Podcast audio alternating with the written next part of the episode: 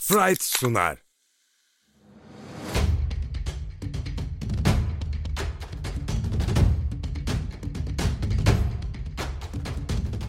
Top yalan söylemez. Avrupa'nın parke zeminlerinden seken zamansız sohbetler. Hazırlayanlar Uğur Ozan Sulak, Ahmet Çakı, Yiğiter Ulu.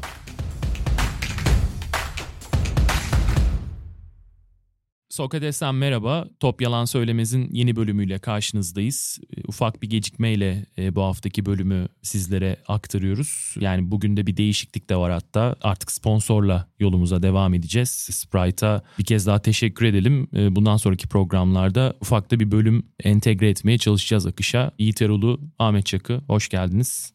Hoş bulduk. Hoş bulduk. Tabii yani gündemi konuşmaya gayret edeceğiz ama e, son programda bu gayeyle başlayıp Aito'nun hani 60'lardaki 70'lerdeki dönemine de değinmiştik. Tabii biraz daha Fenerbahçe Beko Anadolu Efes ağırlıklı olmasına e, özen göstereceğiz. Fenerbahçe Beko ile başlayalım. 3 galibiyet üst üste ve oyun anlamında da tamam fikstür avantajı belki biraz e, fayda etmiş olabilir ama oyun anlamında da bir ileriye gidiş var. Bir oyun standardı yavaş yavaş oluşmaya başladığını görebiliyoruz. Bugün itibarıyla e, Ahmet abi sen baktığın zaman Fenerbahçe Beko'ya olumlu yöndeki gidişi neye bağlıyorsun? E, ne, ne görüyorsun? Ya bir kere e, Fenerbahçe Beko üst üste aldığı ağır mağlubiyetlerden sonra sağlam durdu. Hani genelde herkes işte koç mu gitsin, iki oyuncu mu ayrılsın böyle şeyler bizim ülkede de sevildiği için e, özellikle sosyal medyada bir kere Fenerbahçe kulübü e, bu tür eski ve yanlış hamleler yapmak yerine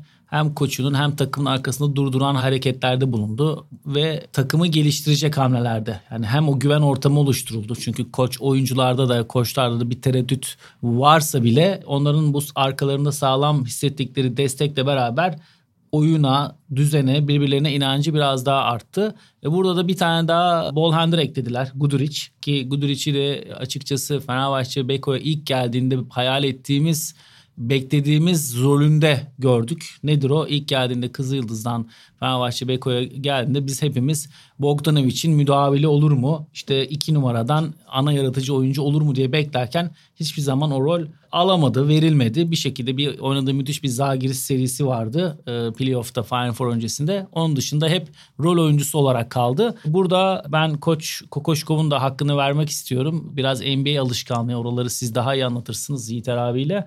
Gelen oyuncuyu hemen dahil ettiler. Hiç işte antrenmanı eksik hazır değil'e bakmadan ve hemen ana rolde ilk 5 oyuncusu olarak verip ona oynadığı 3 maçta da e, Euroleague açısından konuşuyorum. Hep karar verme, topu elinde hissedeceği iki hatta e, Türkiye'de oynanan derbide de bir, bir numara denemeleri de oldu.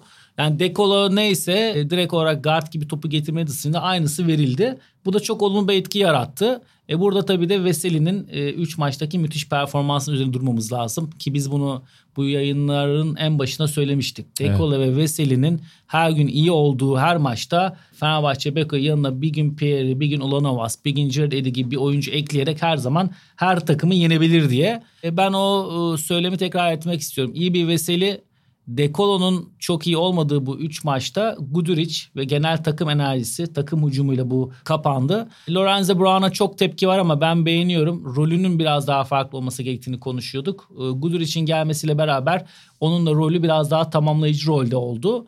Yani şu anda Koş, Kokoşkov'un da biraz daha Euroleague adapte olmasıyla yani o da biraz daha oyun tarzını, oyun anlayışını Euroleague adapte etmeye çalışıyor. Özellikle ikili oyun müdafasında çok agresif olmaya başladı Fenerbahçe Beko. Yani o driblingle oynayan oyuncu avantaj vermeyecek şekilde bir agresiflik verdi. Ve oyunun son bölümünde de Obradoviç döneminden çok görmeye sık alıştığımız ikili oyunu değişmeyle durdurarak bir çeşitlilik kattı. E, gene enerjileri ve kazanmaları zaten iyi. Yani bu takımın askerleri olan Pierre, işte kenardan gelip enerji verecek oyuncular hepsi e, o işleri de zaten düzenli bir şekilde yapınca izlemekten keyif aldığımız kazanan ki bence Kızıldız maçı çok değerliydi deplasmanda kazanılan. Çünkü ben o Kızıldız takımı bir koç değişikliği yaşasa da işte bazı oyunculardan istenen verimi alamasa da tehlikeli bir takım. O maçın kazanılması da evde kazanan iki maçın üzerine çok e, faydalı oldu.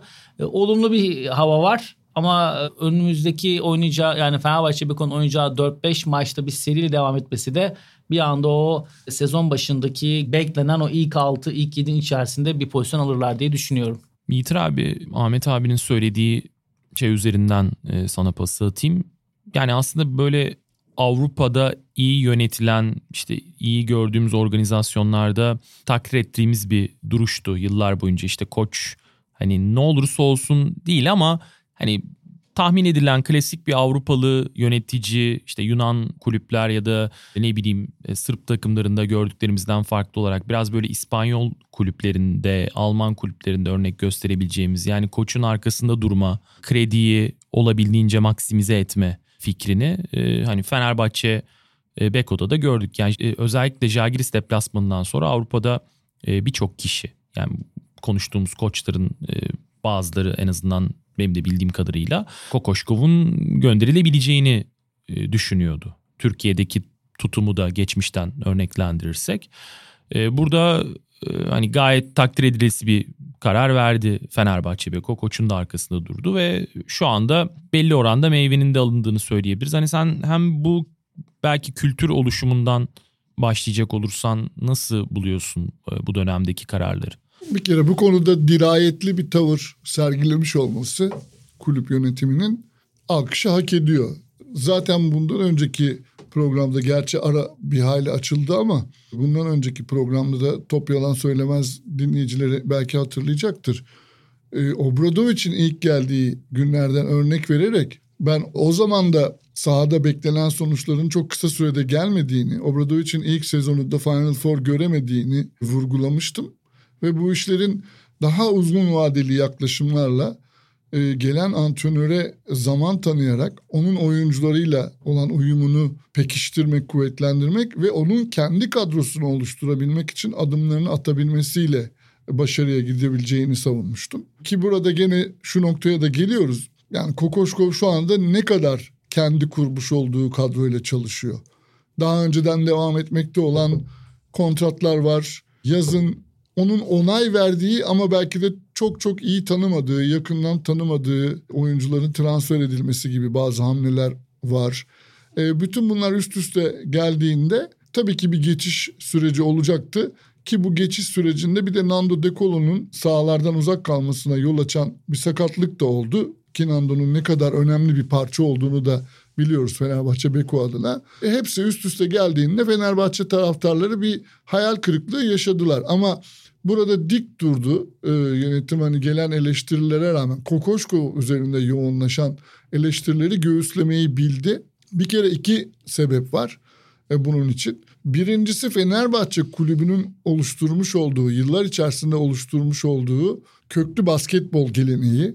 Yani böyle bir gelenek bu kadar çabuk koç değişikliğine izin vermez mesajını ilettiler. Bu önemli bir şey. İkincisi de tabii Kokoşkov'un bence geçmişinden yani Kokoçkov'un CV'sinden de kaynaklanan da bir şey var. Yani karşımızdaki koç antrenör NBA'ye gidip orada head koçluğa kadar yükselebilmiş yani inanılmaz emek vermiş her aşamadan geçmiş ve sonunda head koçluk kontratına kadar çıkabilmiş ilk Avrupalı ve Slovenya gibi daha önce hiç böyle bir başarısı olmayan bir ülkeyi de Avrupa şampiyonluğuna taşımış bir koç. Neticede bu ikisini üst üste koyduğumuz zaman Fenerbahçe Beko'nun Kokoşko'yla sezon başında yazın yapmış olduğu anlaşma ilk duyulduğunda basketbol dünyasındaki herkes o demişti. Şimdi herkesi şaşkına çeviren bu kadar önemli bir koç transferini gerçekleştiriyorsunuz. E bundan öyle iki ayda üç ayda vazgeçemezsiniz. Yani böyle bir şey olmamalı zaten. Bir kere buna biz de bu programda hem Ahmet hem ben hem sen hepimiz vurgu yaptık. Neticede yani Kokoşko'la devam edilmesi tabii ki çok olumluydu Fenerbahçe Beko adına. Burada önemli bir e, hamle yapıldı. Guduric getirildi. Guduric'in de gene iki avantajı birden var. Birincisi bu kulübü, bu yapıyı, bu şehri tanıyan bir oyuncu olması daha önce. Taraftarların da tanıyıp sevmiş olduğu bir oyuncu olması. E, ikincisi de Ahmet'in altını çizdiği gibi topla oynayabilen bir dış oyuncu olarak Nando De Colo, Lorenzo Brown ikilisinin imdadına koşması. Yani onların sıkıştığı yerlerde, onların kötü geçirdiği bu yoğun takvimde kötü e, geçirdiği bir maç akşamında çözüm üretebilecek bir başka oyuncu var şimdi sahada. Tabii bütün bunlar Fenerbahçe'nin kısa sürede toparlanmasına e, yol açtı. Burada belki bir küçük olumsuzluk hala ne var diye sorabilir sorarsa eğer taraftarlar. Yani Veseli'yi yedekleyecek bir uzun konusunda sıkıntı devam ediyor. Yani Hamilton'ın yeterince rotasyona giremediğini, katkı veremediğini görüyoruz. Giderek gözden düştüğünü görüyoruz. E bir de Nando De Colo'nun da bizim tanıyıp bildiğimiz geçmişte Fenerbahçe'ye gelmeden önceki yıllarda özellikle e, çizmiş olduğu o dominant Euroleague'de maç kazanan, maç kazandıran lider oyuncu e, görünümüne henüz ulaşmadığını yani o formda olmadığını görüyoruz. Ama mesela Nando'nun eksikli olduğu yani Nando'yu belki eksi hanesine yazabildiğimiz bir Kızıl Yıldız deplasmanında Lorenzo Brown çıkıp maçı alabildi. Bu da çok önemli bir şey tabii. Ve tabii transferle alakalı yani mevzuat mevzuata dair taraftarın kafası biraz karışık ben biliyorum. 6 Ocak Euroleague içi transfer için son tarih. Yani dışarıdan alabiliyorlar. Dışarıdan yani. hala e, oyuncu alınabiliyor hmm. ama Euroleague'de forma giyen e, bir oyuncu, Euroleague'de oynamış bir oyuncu. Takım ee, değiştiremiyor. Takım değiştiremez. Böylece o bitti yani. Evet o, o transfer bitti. Ya ben Fenerbahçe'ye ilgili şöyle bir şey eklemek istiyorum Ozan. Sezon başında Fenerbahçe Beko'da şöyle bir hava vardı. Biz takım halinde sonuna kadar oynarız. Hep beraber e, her şeyimizi ortaya koyarsak sonunda kazanabiliriz. 4-5 hafta ondan uzaklaşmıştı. Artık denesek de işte Alba Berlin maçı, Zalgiris maçı denesek de hep beraber bunu yapsak da kazanamıyoruz modundalardı. Özellikle izlediğimiz Milano maçında onu çok net izlemiştik salonda. Şu anda oynanan 3 maçtaki benim en çok dikkatimi çeken şey transferin Gudur için getirdiğinin dışında gene özellikle Bartel ve Pierre'den başlıyor bu. Yani ben Fenerbahçe Beko takımında o enerji ve sertlik bölümünü getiren o iki oyuncu olarak bu iki oyuncuyu her zaman en üste koyarım. Gene yani Kızılyıldız maçı dahil Asfel hepsinde biz skoru düşünmeden özgüvenle hep beraber elimizden geleni yaparız. Sonunda da bunu kazanırız. Tekrar özgüveniyle oynadılar. Bence bunu geri kazanmak Fenerbahçe Beko takımı için çok değerliydi. Ben bu anlamda devamında o yüzden çok umutluyum Fenerbahçe Beko adına.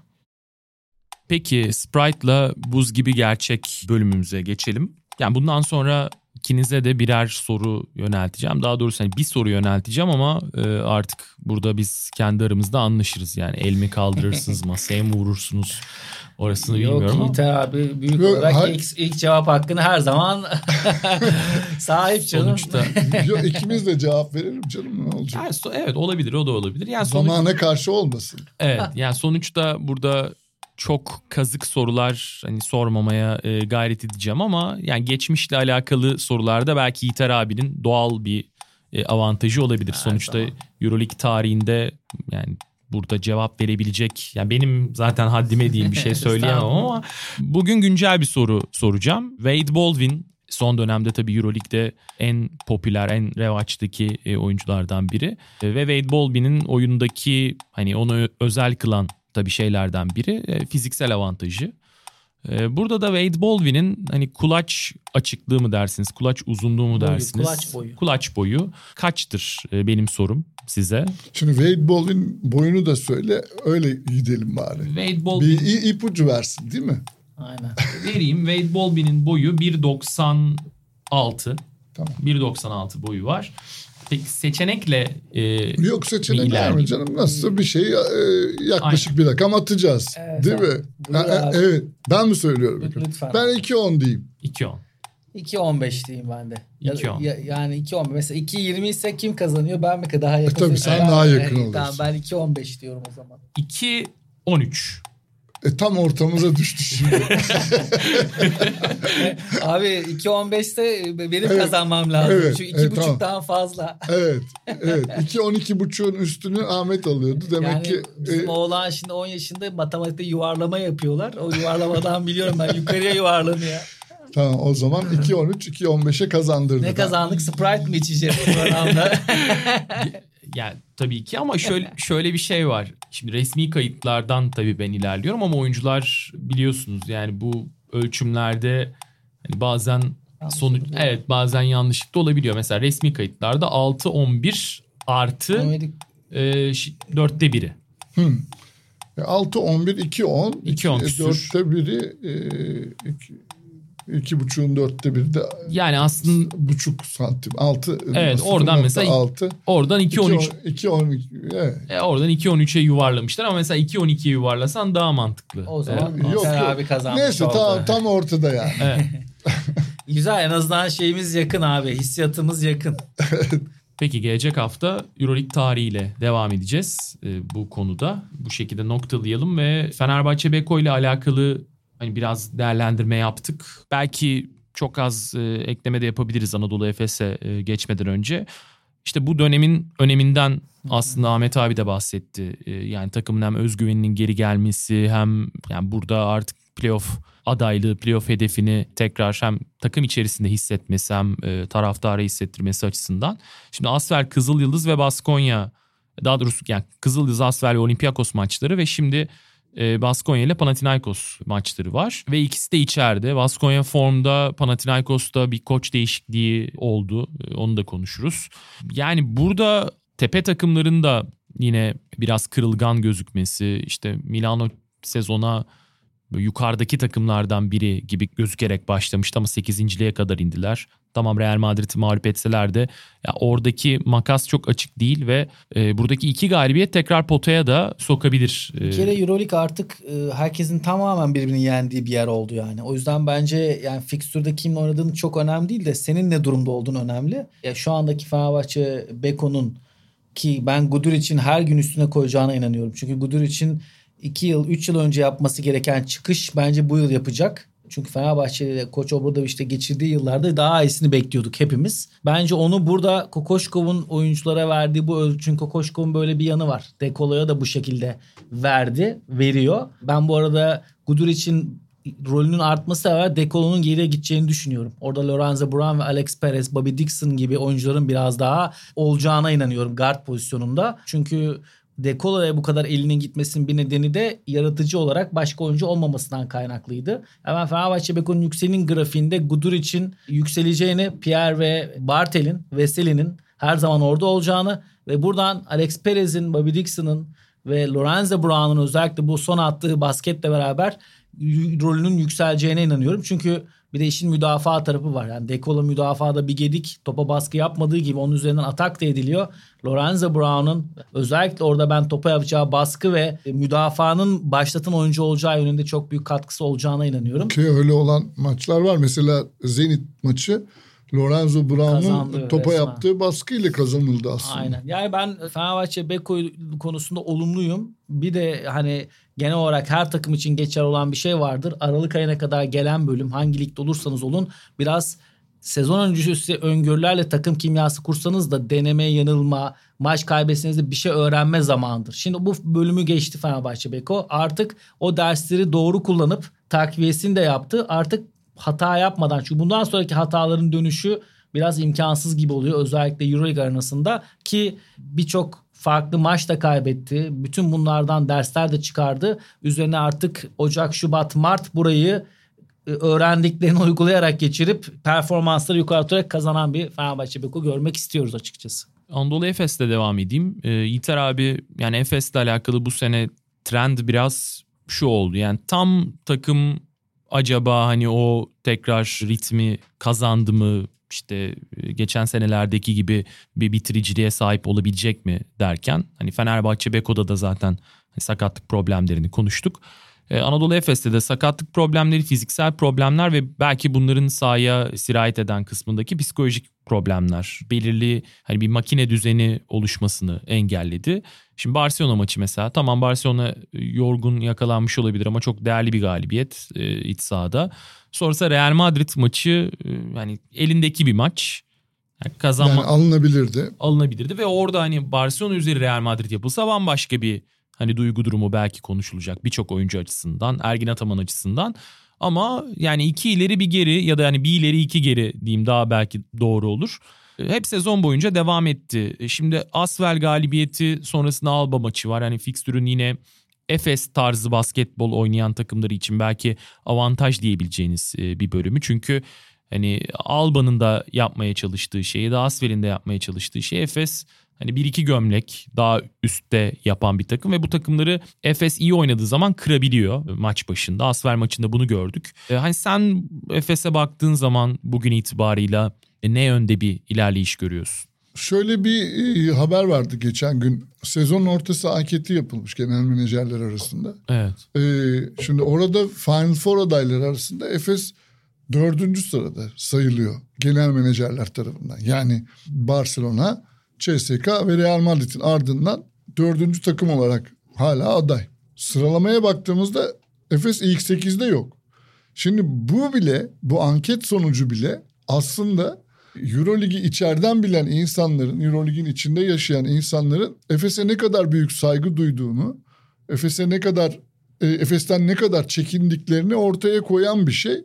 Çünkü Efes'in son iki sezonunda yani final oynamış olduğu sezon ve yarıda kalmış olan sezonda oynadığı maçlar, basketbol, oyuncuların göstermiş olduğu gelişim, takımın yaratmış olduğu hava, e, Türkiye'deki basketbol severleri etkisi altına alıp her maçta o Sinan Erdem'i doldurabiliyor olması, yarattığı o heyecan.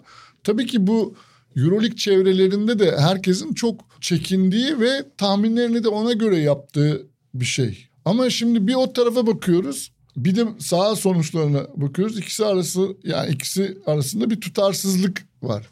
Herkes bence biz de dahil olmak üzere. Herkes Efes'in ayağa kalktığı bir dönemin gelip peş peşe kazandığı maçlarla kendisini o ilk dörde atacağı, basketbolu oynayacağı, o sonuçları çok rahat alacağı e, bir dönemin geldiğini, gelmek üzere olduğunu hissediyor ve tahmin ediyor. Çünkü takımın böyle bir kapasitesi var. Yani bunu gayet iyi biliyoruz. Belki burada ne söylenebilir?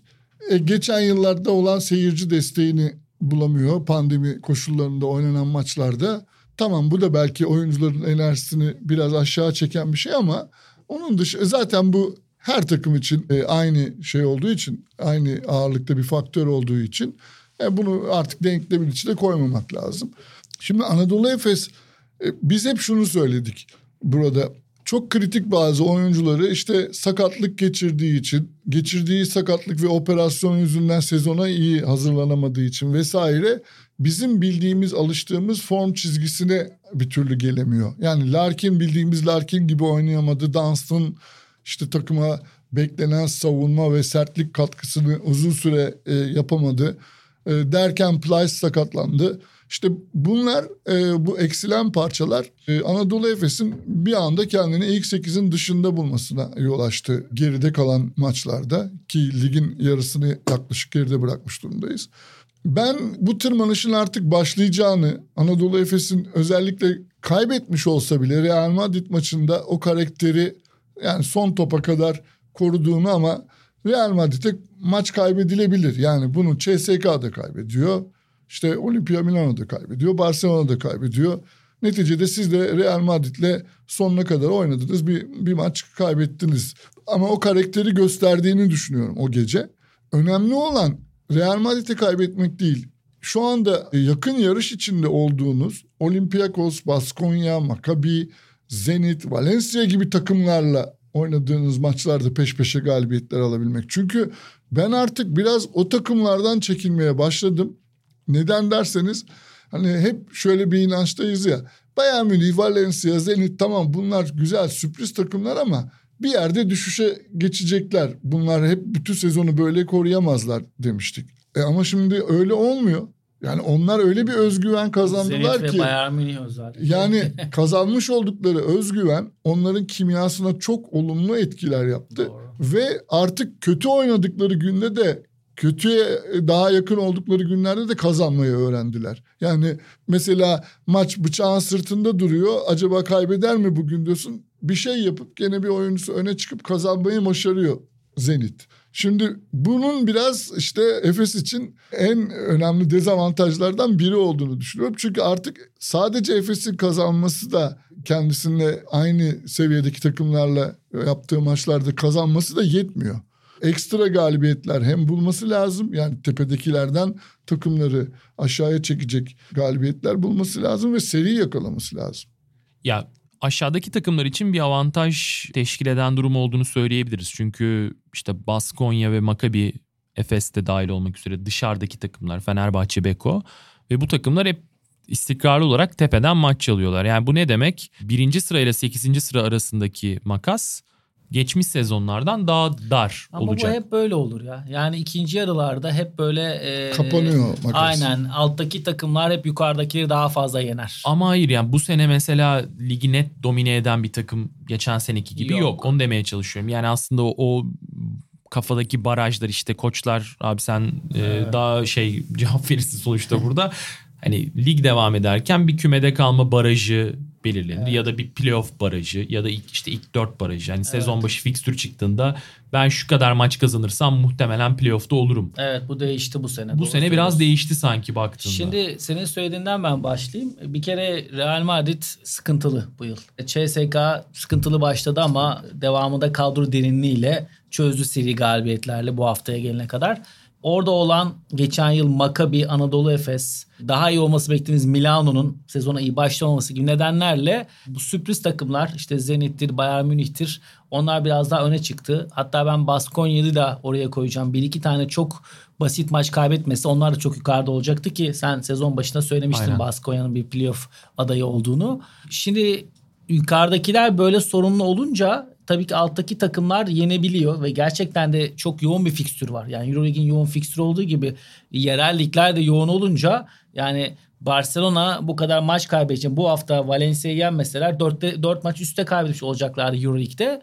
E, yani işte Madrid Campazzo'yu kaybetti, yerine koydu koymadı. Randolph'u kaybetti arada. İşte Barcelona'da e, yeni koç geldi bir düzen oynatıyor. Kalates, Higgins, Mirotic beklendiği kadar ön planda değil. Bütün bu sorunlarla beraber bu tür sürpriz galibiyetler ve sıralama oluştu ama Fenerbahçe Beko için konuştuğumuz şey genel bu takımlar için de geçerli. Artık Ocak Şubat'a geldiğimizde burada herkes sezonun bu anına kadar oynadıklarını e, öz eleştirisini, aldıklarını, artlarını, eksilerini yapıp maksimum şekilde kazanmaya odaklanacak ki artık yerler belli olacak. O anlamda çok daha güzel bir lig izleyeceğiz bence. Yani Ocak, Şubat, Mart özelinde söylüyorum. Anadolu Efes'i konuşacak olursak Yiğiter abinin verdiği örnek bence harika bir örnekti. Aynı o GM'lerin düşündüğü gibi bence Anadolu Efes takımı da öyle düşünüyor. Kendine öyle bir güven var. Yani biz bir final oynadık. Geçen yılda oynansaydı şampiyonduk. Kendi işlerini bunu konuşuyor ve düşündükleri için biz nasılsa Mayıs ayında orada olacağız var, vardı.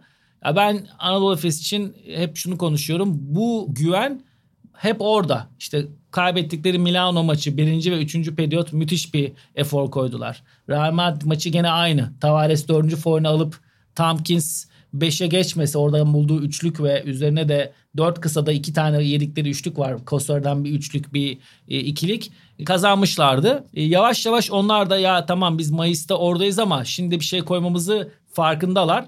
O yüzden gelecek Anadolu Efes. Bence öndeki maçlarda kazanarak gelecek. Ama Anadolu Efes'in bir temeli var. Nedir bu? Oyuncu performansı çok önemli. Her takımda önemli. Sonuçta oyuncu o topu atıyor. Ama Anadolu Efes oyuncuları oyuncuların basiti mükemmel yapması üzerine kurulmuş bir sistemi var Koç Ergin Ataman'ın. Burada da kısa oyuncu performansı çok önemli.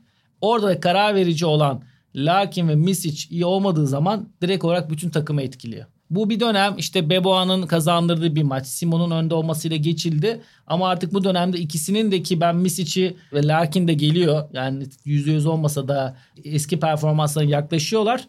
Çünkü onların kötü olduğunda biz eğer Muarman'ı işte sağlam olduğunda Plyce'ı Dunstan orada eskisi gibi aynısını ortaya koymuyor olsa mücadeleyi deriz ki Efes'te bir sorun var. Ama Efes'teki skordan bağımsız baktığımızda sadece kısa oyuncunun istikrarlı performansı yaratıcıları. Onun dışında her şey orada. Dunstan hala aynı Dunstan. Muharman aynı Muharman. Anderson aynı Anderson. O yüzden ben Ocak ve Şubat ayının devamında e, Anadolu Efes oraya gelmiş olarak göreceğimize inanıyorum. Bu program biraz ben pozitifim galiba. Hem Fenerbahçe biz genelde hem Anadolu. Efes'i e, ben e, yükselen o ilk altın içinde girecek şekilde görüyorum. Tabii ki Fenerbahçe Beko'nunki bir tık daha e, Zor gözüküyor, daha zor. Zordan ziyade galibiyet olarak arada bir fark yok da e, Anadolu Efes'in bunu başarmış bir elinde kadrosu var. E, Fenerbahçe Beko e, arada yaptığı düzeltme, Hamleler var. Kuduric hamlesiyle oraya Bir gelebilecek de mi ama bir adım daha geride yani. e, aynen. E, bir galibiyet Ya falan. galibiyette ben bir oraya hiç bakmıyorum ama şu ana kadar hiç ilk dörtte ilk beşte olmayan sıralamada Fenerbahçe oraya yükselmesi açısından ilk kez göreceğimizi söylüyorum. Çünkü Fener- Anadolu Efes'te şunu konuşuyoruz. Geçen yılı domine etmiş takım zaten aynı kadro. Burada Veseli, Dekolo, işte Ahmet, Melih gibi oyuncuların dışındaki hepsi yeni oyunculardı. Bundan çıkan Harman'la Guduric'in eklenmesiyle oraya çıkacaklar mı yeni bir koçla? O yüzden farkı var. Ama ben üst üste kazanan 2-3 maçla bir anda Fenerbahçe Beko'nun da ya Final Four'da da acaba dördüncü olup oradan bir beşi eler mi konuşabiliriz yani. Yani son bölümde biraz koç değişikliklerine ve hani diğer takımlara geçelim. Bu bölüm önceki programlarda da rağbet gördü. İşte hep Türk takımlarını çok fazla konuşuyorsunuz. Neden Avrupa takımlarına yer ayırmıyorsunuz diyen bir kesim vardı. Biz biraz uzatınca önceki iki programda e, beğeni toplamış o kısım. Şimdi Panathinaikos'ta bir değişiklik var. E, koç değişikliği yani Kızıl Yıldız'da da var ama Panathinaikos'ta başlayalım. Vovoras ki sezon hedefleri düşünüldüğünde bence yani kağıt üzerinde belki tatmin edici sonuçlar olmayabilir ama bence kötü iş çıkar. Yani kovulmayı kesinlikle hak eden bir Her koç. maçı sonuna kadar oynadılar ya. Evet. Yani Barcelona'sından Ve Real bence Madrid'ine. koç olarak da çok denedi. Ha, Çok şey denedi. Takımdan alabileceğinin maksimumunu almaya çalışan, bunun için çırpınan bir koç. Ya Orada biraz şey şey, oldu galiba. İsmi Yamatis ve olmaması. Albertis'iz karar merci olunca eski takım arkadaşlarını almak istediler herhalde. Ben öyle düşünüyorum yani. Ben Yun, işte Yunan gazeteci arkadaşlarla konuştuğumuzda e, şöyle bir açıklama yaptılar. Yani sonuçlardan ziyade takımın oyun olarak ileriye gitmediğini düşünmüş Diamantidis Albertis. Yani bu yani saha içerisindeki Panathinaikos daha fazla Yani gelişmez Nedovic- demişler. Nedovic'i alırsan gelişmezsin. Ha, bu yani kadro ne kadar- Evet. Yani Nedovic'i guard olarak seçersen e, ki Shelvin ben, ben konuya girdim kusura Yok, yok. Şimdi Sha- Shelvin Beck ki beklenenden iyi oynuyor. Onun dışındaki her parça bence beklenen Ben Bentil bile beklenenden iyi oynuyor. Evet. Ee, Abi Yıldız'ı Papa Petro olan takımdan zaten ne bekliyorsun? Hayır, Papa kere- Petro kötü oyuncu değil de yani. Yani enerji- go to guy o. Bir kere ben şöyle bakıyorum Euroleague'e.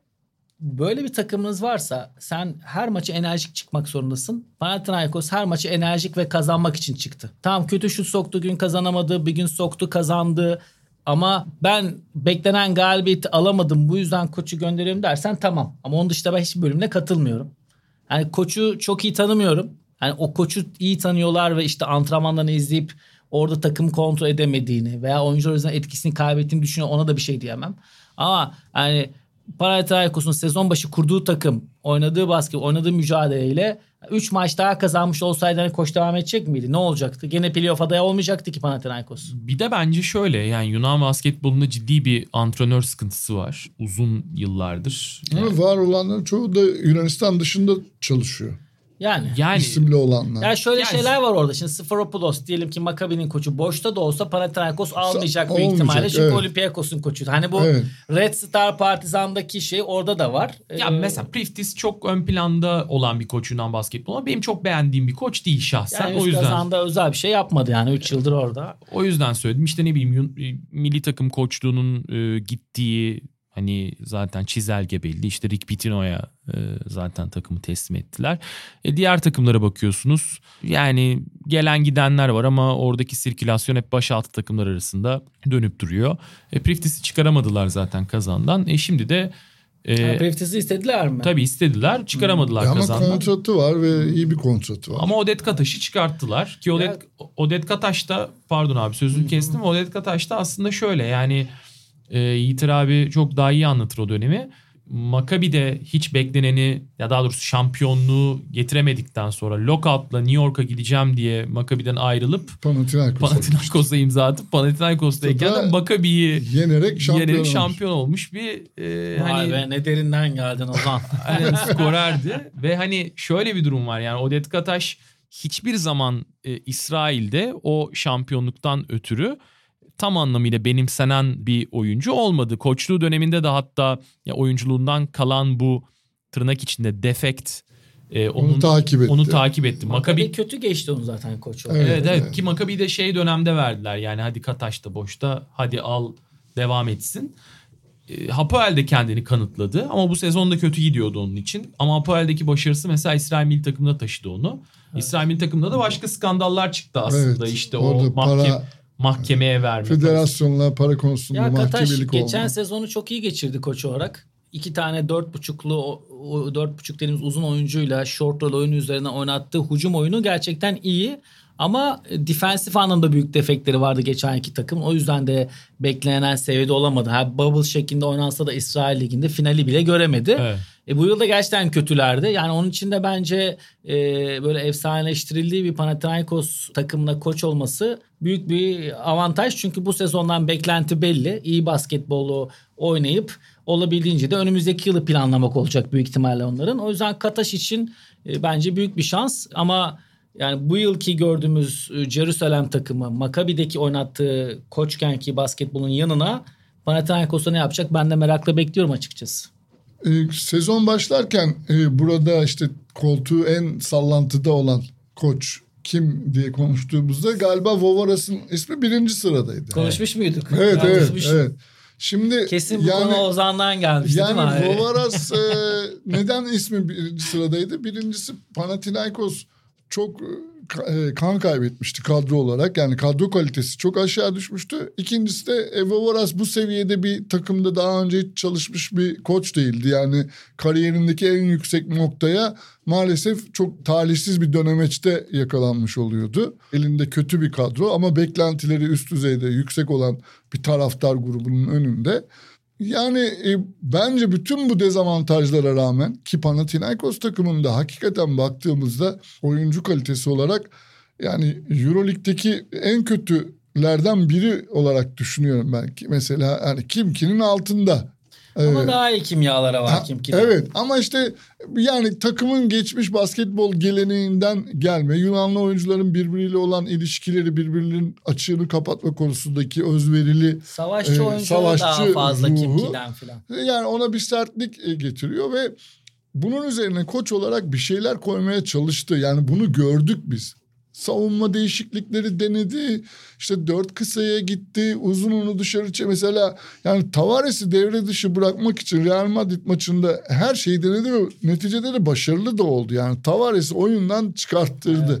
Şimdi bir koç bu kadar uğraşıyorsa ona bence yönetimin biraz daha destek vermesi ya da onun elinde bir iki tane iyi parça yani o takıma bir iki iyi takviye yapabilmesi lazım. Onlar bunu yapmayıp koçun kellesini aldılar. Yani e, zaten Yunanistan'daki spor kültürü biraz zehirli bir kültür. Sizin de söylediğiniz gibi bu kutuplaşma yani Olympiakos, Panathinaikos kutuplaşmasının çok derin olması belirliyor. Onların ellerini kısıtlıyor. Yani Olympiakos tarafından bir koçu alıp getiremiyorlar mesela takımın başına. Panathinaikos olarak. Aynı şeyi karşı taraf da yapamıyor. Şimdi bütün bunlar seçenekleri kısıtladı sezon ortasında. Pedulakis zaten her sene başı bir, bir tur atıyor Gene, yani. gene dönebilir miydi? Var mıydı ismi? Ya zaten şey Peristeri'ye Evet. gitti. Ya bu, bu sefer dönmezdi canım. E, Yani ona bu sefer sıra Ya gelmedi ama başkan çok seviyor onu. Çünkü Ama artık şartta- başkan biraz geriye çekildi işte. Bıraktı işte Diamantidis'i. Albertis'e Diamantidis'e O çok bırak. güzel bir haber Panathinaikos. Çünkü son 4-5 hayır son 4-5 yılın bu kadar kötü yönetilmesi. Yani o Çavu Pascal'in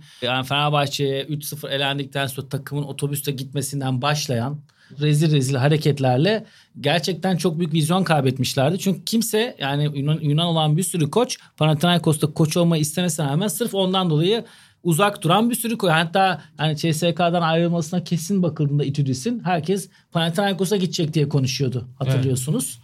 Ki o şampiyonluk geldi işte e, Baskonya'daki şampiyonluktan önce bu çok konuşuluyordu E, Final Four'da. Yo zaten milli takımda teklif yapmıştı. Yunan milli takım Evet, onu da geri çevirmek zorunda kaldı ama aslında orada hikayeyi şey alabiliriz. Yani Obradovic ayrıldıktan sonra Itudis çok bekledi. Evet ama vermediler. vermediler. Vermediler.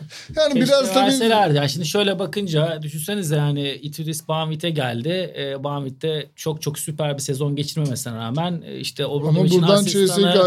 İşte Obradovic'in asistanı olduğu için hadi Messina'da ayrılınca dediler ki genç bir koça gidelim kendini ispatlamamış. O onun da şansı oldu. Ama keşke direkt Obradovic'ten sonra Itudis'e verseler. E, Bundan kötü olmazdı Panathinaikos. Ha, diyelim 5 yıl koç olsaydı orada Itudis ortaya bir şey çıkardı diye düşünüyorum ben. Ve yani belki Kataş özelinde biraz konuşabiliriz. Çok hani erken yaşlarda ya, antrenörlük için e, söyleyebilirim şeyi devralmıştı. E, Maccabi gibi büyük bir takımı ki o dönem yani işte 2007-2008 dönemi Maccabi'nin en başarılı dönemlerinin çıkışı ve e, hani çok şeyler beklenilen e, sezonlar. Yanlış hatırlamıyorsam Zivişarf evet. sezon ortasında ki orada başka problemler de vardı. Yani galiba lig maçlarında Kataş kötü gittiği için kesilmişti ya da Zivişarf yan, yanlış hatırlamıyorsam Zivişarf köşe yazarı o dönem ve işte köşeden eleştiriyor. Saldırıyor. Saldırıyor e, şeyi Kataş'a. Sonra da koç mu Sonra da koç oluyor Çok falan. iyiymiş ya. Bizim ülkeye Evet ya, bunun benzerleri Amerika'da da var. George Karl da bayağı televizyonda maç anlatırken, yorumculuk yaparken hani Denver'a çok saldırıp hatta bu takımı ben yönetsem falan gibi cümleler kurduktan sonra ko- koç kovulup da George Karl Denver koçu, koçu olmuştu. Yani bunların benzerleri bu örnekler dünyada var ama Güzelmiş. tekrar Panathinaikos'a dönersek yani bu takımın beklentisi neydi? Koç ne yapacaktı sorusu. Ee, evet en fazla bir iki galibiyet daha fazla olabilirdi. Ee, ama Vovaras'a biraz haksızlık edildiğini düşünüyorum. Kataş'ı getirilme sebebini de hani taraftarın onun sporculuk günlerinden tanıyıp sevdiği dolayısıyla kredisinin yüksek olacağı bu sezon beklenenler e, olmasa bile gelecek seneye en azından takımı taşıyabileceğini düşündükleri için Böyle bir formül buldular. Peki Kızıl Yıldız'daki değişimi e, değerlendirelim. Orada da Radonjic geri döndü. Evet. Yani o muhtemelen şimdi Pedulakis ile alakalı konuştuklarımızın belki bir benzerini Kızıl Yıldız için de söyleyebiliriz. Yani böyle Radonjic nöbetçi koç bu. Grand, Groundhog Day. E, Valla benim ilginç. beğendiğim bir koç olduğu için ben ben, de, ben e, Kızıl Yıldız adına doğru hamle olduğunu düşünüyorum. Ama, ama e, orada da Çovic var işte. Yani şimdi burada Yanna Kopoulos'u eleştirdik. Evet. E, yani zaten gerekçeler malum. Ama Çovic de yani Kızıldız zaten çok politik bir kulüp. Ee, burada kararlar e, profesyonel açıdan alınıyor, basketbol düşünülerek alınıyor tam anlamıyla pür bir şekilde diyemeyiz. Ee, Radonjic ben de şahsen beğeniyorum. Özellikle Sasha Obradovic ile alakalı zaten ben görüşlerimi daha ilk programda paylaşmıştım. Ya bu kadro daha iyisini e, yapmalıydı. Hani bazı önemli galibiyetler aldılar ama Radonjic biraz sezon ortasında morali dibe vurmuş e, takımı ne kadar tabii yukarıya çıkarabilir o da e, malum yani Kızıldız için sanki playoff treni kaçtı. Şimdi iki tane farklı koç Radonic içeride işte seal dediğimiz çembere yakın o topu alıp bitirmeyi seven uzunla oynayan oynamayı tercih eden bir e, o zirbeslerle falan evet, oynamayı çok seven. Diyecektim. Sasha Obradovic de tam tersi kısa oyuncu yaratıcılığı, uzun, uzunun ince olduğu ama screen rolünü iyi yaptığı, öyle bir açı yarattığı e, bir basketbol seviyor. E, tabii burada e, beklenen kadar kazanamadı. Çünkü çok iyi bir kadro kurdu Kızı Yıldız. Yani bu seneki Yalnız pandemi Langston şartları. Hall sakatlığı da onların... Hem Jordan e, Lloyd hem Langston uzun zamandır sakat. Yani o, o da elini kolunu bağladı. Çok etkiledi ama yani sezonun başındaki ilk oynadıkları Fenerbahçe Beko maçına itibaren yani ben onların çok daha iyi kazanacağını düşünüyordum. Çünkü Kızı Yıldız bu sezonki ligin bir, biraz kan kaybetmesine karşın iyi hamle yaptı. Yani aldığı 5 evet. tane 6 tane yabancı oyuncu e, çok iyiydi. E, Kuzmic zaten onların e, kendi oyuncusuydu. E şimdi böyle olunca e, yeteri kadar kazanamayınca ayrıldı. Ama şimdi iki farklı basketbol tarzında ki bunu en son Fenerbahçe maçında da gördük. E, yani o John Bryant'ın beşi çekerek sadece switch'te bile içeri vererek olmadı. Yani kazanabilecek bir maçı kaybettiler açıkçası. Ben Radonic'i çok adapte olmuş ve bu takımdan verim almaya e, konsantre görmedim izlediğim maçlarda. O daha çok yine kendi tarzı şeklinde topu yarı sahada olabildiğince iyi müdafaa yapıp yarı sahada olabildiğince kaliteli hücum etmeye odaklı ve uzun oyuncu üzerinden. Yani Holt, Longston Hall ve e, Jordan Lloyd döndüğünde onlara vereceği kısa yaratıcılık anlamındaki kredi bence belirleyici olacak. Çünkü şu anda yaratıcılık olarak gerideler. Onun istediği gibi uzun da olmadığı için yani yani Kuzmic var ama kaç dakika faydalanabilir? Yani Kuzmic'le başlıyor. Evet. iki devreye de. Ama kaç dakika ondan yüzde yüz Ana silah mesela aynı Sasha Obradovic'in yaptığı gibi John O'Brien'i 5'e çekip pick and pop oynuyordu o. O da aynısını tercih etti mesela ki normalde Radon için hiç tarzı değildir. Ya aslında şunu söyleyeyim son olarak. Sasha Obradovic işte arkasından gelen koç için aslında iyi bir antrenör. Ne ne açıdan Fiziksel, fiziksel, olarak yaptıran ve fiziksel oynatan tak- bir koç. takım Ben genel Alba'da ondan sonra gitmiştim ama sezon ortası değil tabii. ama abi o takım sonuçta sezon içerisinde zaten dağıldı yani sakatlık Aynen, olarak da. aynen. Yani ben şeyi söylüyorum. Ocak'ta Şubat'ta Obradovic sonrası gelen koç hem psikolojik olarak da takıma yani Obradovic Doğru. zaten çöküyor, çökertiyor takımı belirli açıdan. Hem fiziksel olarak iyi durumdaki bir takımı alıyorsunuz. Hem psikolojik olarak yukarıya taşıyabileceğiniz bir takım alıyorsunuz. O yüzden hani üstüne gelmesi iyi bir koç Sasha Emanuel Obradovic. Terry ne oldu orada? Ya onlar için çok önemli bir Kısa oyuncu. süreli kontrattı uzatmamaya Mesela karar o çok verdiler. büyük yanlış bence. Evet. Yani Emanuel Terry ile John O'Brien yan Ben mesela çok Fenerbahçe'nin yerinde olsam Johnny Hamilton'ın yerine onu alabilirdim ama artık öyle bir ihtimal yok. Aynı tarz oyuncu olduğunu düşündüler çok fazla ama onların Landry Noko'yu işte geri dahil etti plana. Şu an Ee, orada değil mi o anlaştı? Evet Noko tekrar anlaştı. Ee, şey e, Radonjic geldikten sonra. E, zor yani Kızıl Yıldız. e, Ama Kızıl- kadro olarak iyiler. Yani şimdi iyi. siz Evet. atıyorum Zenit Red Star maçı olduğunda kesin Zenit yener diyemezsiniz. Yok Ya canım işte- mesela Valencia'dan yani Valencia'nın bu kadar altında olur mu mesela? Olmaz normalde. evet. Yani neredeyse denk kadrolar gibi. Peki yani bundan sonra tabii programı haftalık yapacağız. O yüzden çok fazla uzatmayalım. Zenit'e de normal şartlarda değinecektik Žalgiris'le birlikte ama gelecek haftaya e, artık bırakırız onu. Teşekkür edelim bizi dinlediğiniz için. Bundan böyle her hafta tekrar görüşmek dileğiyle. Hoşçakalın. Sprite sundu.